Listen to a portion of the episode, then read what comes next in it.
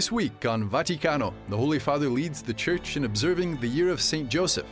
Learn about the strong ties Pope Francis has with the head of the Holy Family. Witness the small miracle in Rome's St. Joseph of the Carpenter Church. And celebrate with us 10 years of Vaticano. For this and more, Vaticano starts now.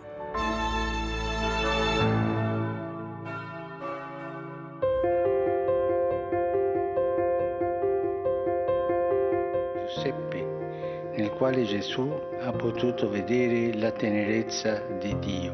Pope Francis began 2021 with the apostolic letter With a Father's Heart, dedicated to St. Joseph, the head of the Holy Family, holding up his example for every man to follow. So, on the occasion of the celebration of the 150th Father Guy Noel Coancam Chapta, a doctoral candidate at Rome's Santa Croce University from Cameroon, says that in the letter, Pope Francis is appealing to the silent saints of our time. Recently, the Holy Father invited the whole church to reflect on the person of Joseph. He came to the conclusion and the proposal of this uh, uh, option after he, we went through all together through the pandemic, which is not over yet. But the Holy Father proposed the reflection of, of, on St. Joseph after experiencing, after observing what happened throughout the world. He saw throughout the pandemic how some people dedicated their lives at the service of others, among which he counted the nurses, the medical doctors, the priests, religious, volunteers, and many other people whose silent dedication kept the world moving in spite of everything. St. Joseph reminds us that those who appear hidden or in the shadows can play an incomparable role in the history of salvation. So, on the occasion of the celebration of the 150th anniversary of the, the proclamation of St. Joseph as the, the, the protector of the whole church, he said to himself, But why not share some personal reflections on the special nature of this, this man who was the father of Jesus, who offered his life for the Son? And so he embarked the whole church to think and to pray and to ask the help of St. Joseph in this difficult situation. Nella esortazione apostolica Amoris Laetitia, Pope Francis also proclaimed the year 2021 as Amoris Laetitia Family Year. Five years ago, the Holy Father signed his apostolic exhortation on the family, called Amoris Laetitia, or the Joy of Love, on March the 19th, the feast of St. Joseph. The head of the Vatican's Dicastery for Promoting Integral Human Development, Cardinal Peter Turkson, shares how the figure of St. Joseph is important for Pope Francis' pontificate. When Pope Francis was elected Pope in 2013, very early in his ministry, his first public celebration was actually the Feast of St. Joseph. And reflecting on that day, on the celebration of the Feast of St. Joseph, who was considered then as a caretaker guardian of the Holy Family, Pope Francis used the expression of a, of, of a guardian caretaker, the Latin custos, or the custodian as it were of the Holy Family. la missione che Dio affida a Giuseppe, quella di essere custos, custode.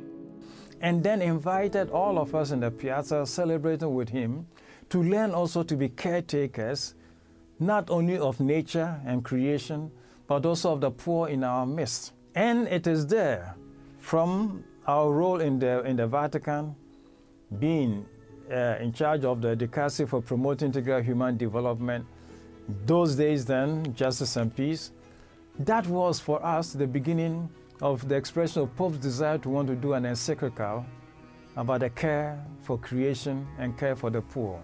The encyclical that was published as Laudato Si under the aegis of St. Francis of Assisi, but the content of it was integral ecology or integral human development, and that involved the taking care of everything that the God has created so that everything created attains its purpose, goal, and objective. That was on the feast of St. Joseph.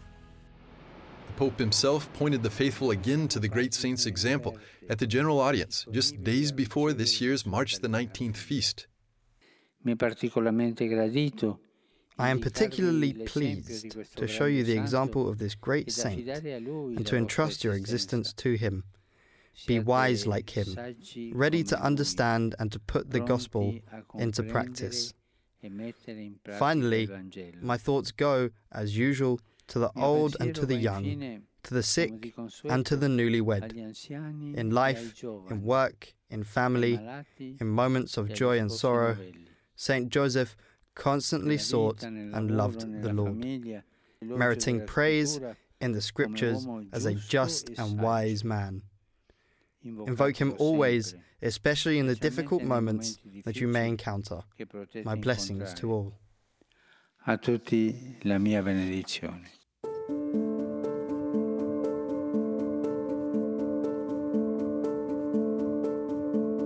Il messaggio che proviene da Knock And on the actual feast of St. Joseph, Pope Francis made a decision that will outlast the year of St. Joseph, proclaiming Ireland's Knock Shrine, where the saint appeared along with Mary, St. Luke, and the Lamb of God to a group of people in 1879, an international shrine.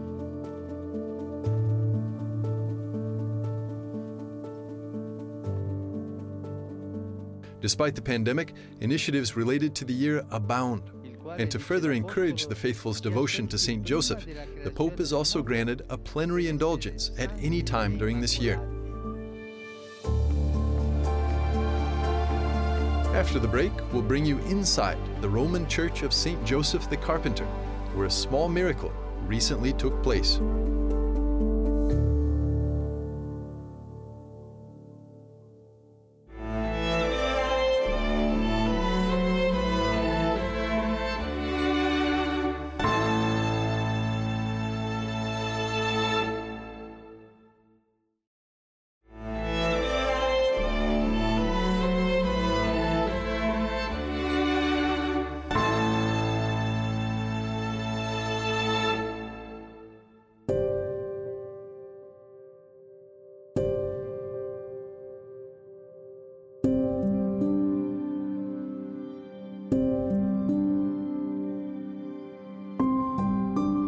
Church of St. Joseph the Carpenter overlooks Rome's ancient city center, known as the Roman Forum.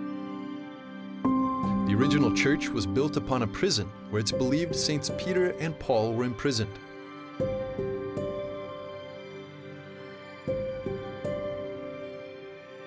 The church, typically used for weddings and baptisms, is highly sought after for its historic location and gilded wooden ceiling with beautiful carvings of the Holy Family.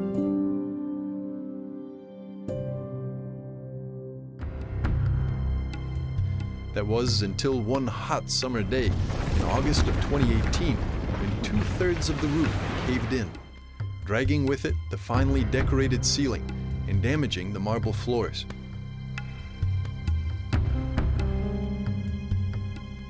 It was 3 p.m. and the church was closed, so thankfully, no one was hurt. Firefighters and engineers quickly arrived at the scene. La paura, il timore che avevamo è che The fear and the dread that we had that the coffered ceilings would not be able to be found anymore because we thought it was almost like a vertical roof collapse and all the benches that were in the church would have been like guillotines for all the elements of the coffered ceiling. While instead, another, let's say, lucky moment, if we want to call it luck, is that the coffered ceiling has it on its own, by its bonds, opened like four pages, so that the whole roof collapsed in the central part. Many of the architectural frames from the ceiling were intact, but while they were removing the rubble, the real miracle happened. la statua della Madonna era The statue of Our Lady was near the entrance and resting on a bench and came out of the bench. We saw that under Our Lady's head, she was looking down. There was something like an air bubble where there was no rubble, no particular elements. When we began to cut through the rubble, we realized that just under Our Lady's head, covered by the little table, was the statue of the little child, of the child Jesus. That is the only statue that we found resting on the ground without any rubble. on the floor, looking up. In reality, his eyes were looking up to Our Lady.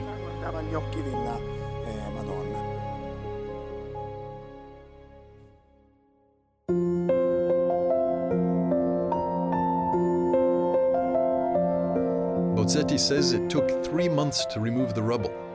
The sacred objects were taken to the Diocese of Rome and given to restoration experts and art historians, while architects started rebuilding the roof, the carved ceiling, the marble floors, and the interior facades. 95% of the statues were restored, and 60% of the structure was salvaged. Meanwhile, the story of the miracle spread throughout Rome.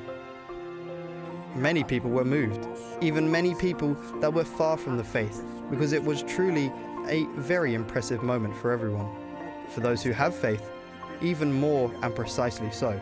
Maybe it cannot be counted among the miracles, but nevertheless, it is something that happened, and we made a small reminder of the extraordinary beginning of Christmas, in which there is the image of Our Lady looking at the little child. That is the two looking at each other, and they were inside an air bubble.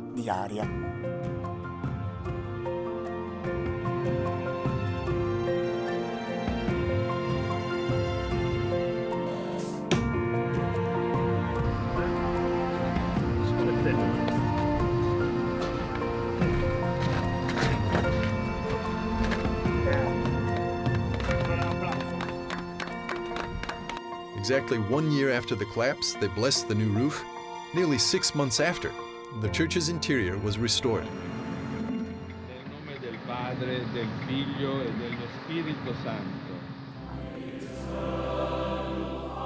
This year, on the March the 19th feast of St. Joseph, the Vicar General of the Diocese of Rome, Cardinal Angelo de Donatis, celebrated a special Mass of thanksgiving to God and for those who helped to restore the church.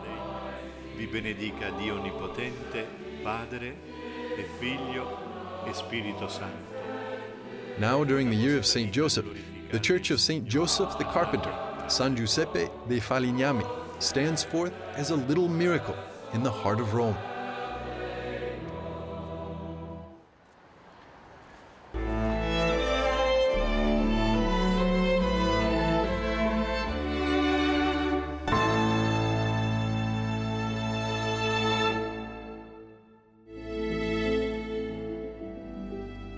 The National Shrine of St. Joseph in the city of Kalisz, Poland, is celebrating its patron saint in a special way this year. For a full four centuries now, pilgrims have been coming here to venerate the miraculous image of the Holy Family and ask St. Joseph for his intercession.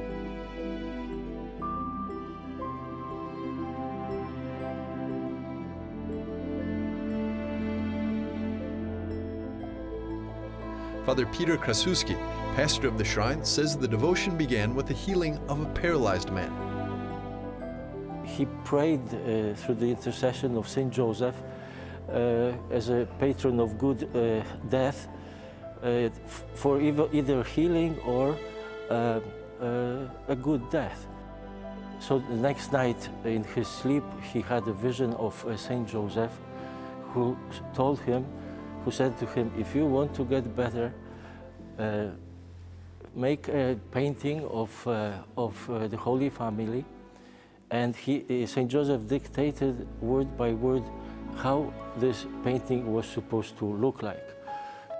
Astonished at the request, the man found a Dutch painter and oversaw the painting process. The image has a deep theological dimension. It reveals two trinities we have the, the vertical trinity. It starts with uh, God the Father at the top, who is in the clouds. And uh, in one hand, he holds the globe. With the other hand, he blesses uh, everything that is below. Then we have the Holy Spirit in his glory as a dove, but uh, in his glory.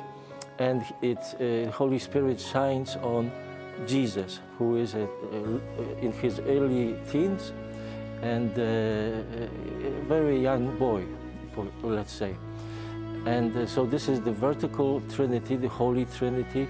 And then we have uh, the uh, horizontal Trinity, starting with Mary at the left, uh, who, holds uh, uh, the hand of Jesus, and of course Jesus and Saint Joseph on on the on the other hand, on the right hand side, who holds in his hand the hand of Jesus and also a lily, a white lily. Once the uh, painting was finished, uh, Stobenia kissed it, kissed the uh, part where St. Joseph was, and he, he was instantly cured. Another miracle happened towards the end of the Second World War in 1945. 1,800 Polish priests, prisoners of the Dachau concentration camp, started a novena to St. Joseph of Kalisz for freedom. Seven days later, American troops liberated the priests, along with 30,000 fellow interns. On the 29th of April, so seven days later, uh, 1945, the American army liberated this concentration camp. So about 1,000 priests, uh, along with uh, 30,000 lay people, under uh, General George Patton, a very famous American general. And uh, so there was such a joy uh, as we have uh, witnessed, we have the witness of that in, in the written memo memories and celebration. And be because also it happened only three hours before the Nazis were supposed to uh, burn the camp and, and kill all the prisoners. St. Pope John Paul II was very aware of this miraculous shrine. What's more, in June of 1997, while visiting Kalisz, he proclaimed St. Joseph the defender of life and protection of unborn children. It is important because since then, in his homily during the Mass uh, here uh, in Kalisz, uh, John Paul uh, mentioned or made it explicit that, that Saint Joseph is the defender of life. Just like he defended the life of Jesus, he defends the life of every human person.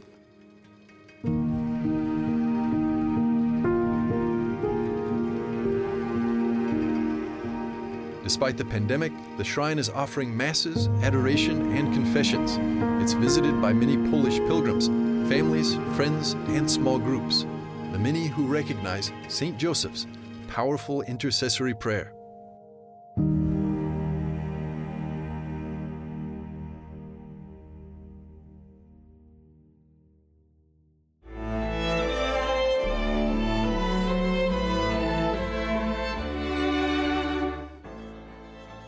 After a short break with more on Vaticano.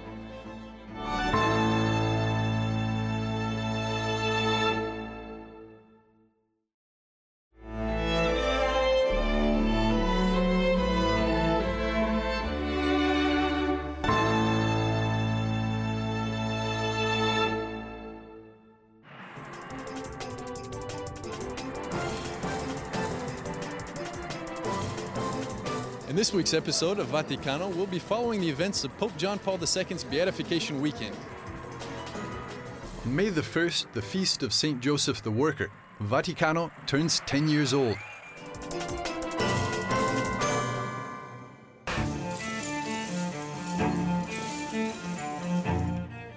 Throughout the decade, we've brought you to the most sacred and storied parts of the Vatican, from St. Peter's Basilica to the Sistine Chapel, to the Vatican Library, where we discovered priceless treasures of humanity. And we've brought you to the very best sacred music concerts. Over these 10 years, we've evolved from broadcast television to social media and followed the Holy Fathers at the most important of moments.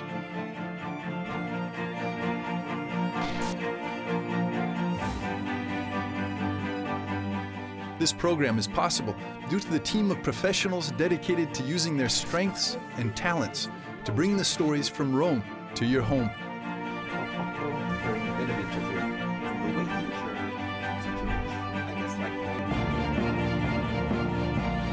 All of this began on May the 1st, 2011, during the beatification of Pope John Paul II. So here we are on the Via della Conciliazione. This is the road leading. Uh, there were thousands, hundreds of thousands of people uh, who were lining up to get into the square for St. Peter's, and I remember standing in the middle of them and, and just coming towards me uh, as, as we filmed for Vaticano. And that's uh, the first image that comes to mind when I think of that first episode.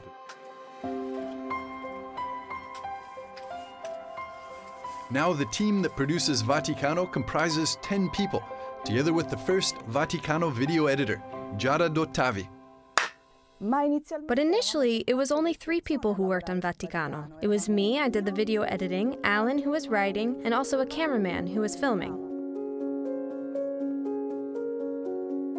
We laid out the program in a way that has evolved over time, but has always remained in part the same. We focus on the papal magisterium, uh, but then also events uh, that are going on in Rome, and especially events that, uh, that people will want to participate in by way of our programming.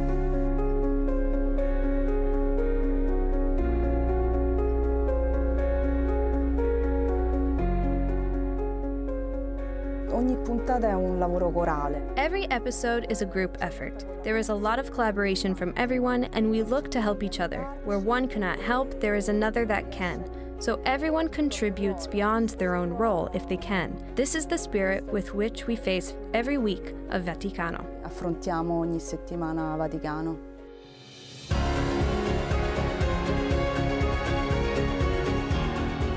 I think of something important that has happened to me through working on the Vaticano program over the years, I think of the friendships that have been created with the people who, who work on Vaticano, uh, with all of the, the wonderful people that uh, have come and gone, and also those have, who have remained and continue to work on Vaticano.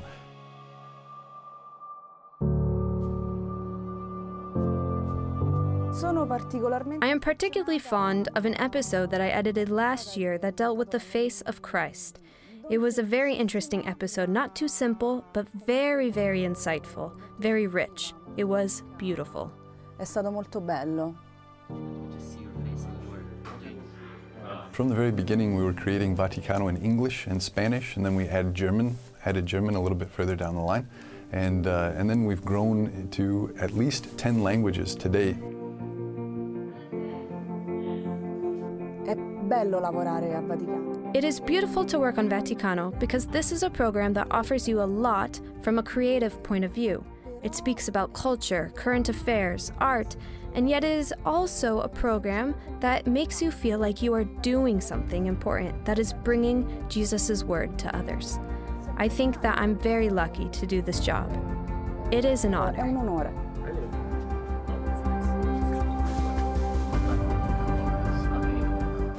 After 10 years, well, after 11 and a half years in the Vatican Bureau, I will be actually leaving. And uh, so this is a great opportunity for me to also say thank you to all of the people who have worked on Vaticano and who have worked in this Vatican Bureau.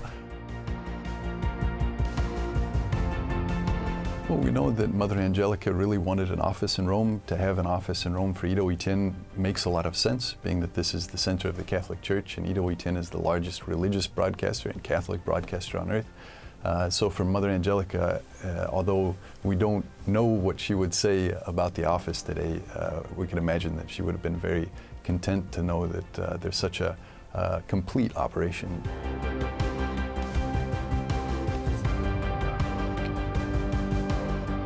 We do all of this for you who watch us on EWTN. Thank you for watching.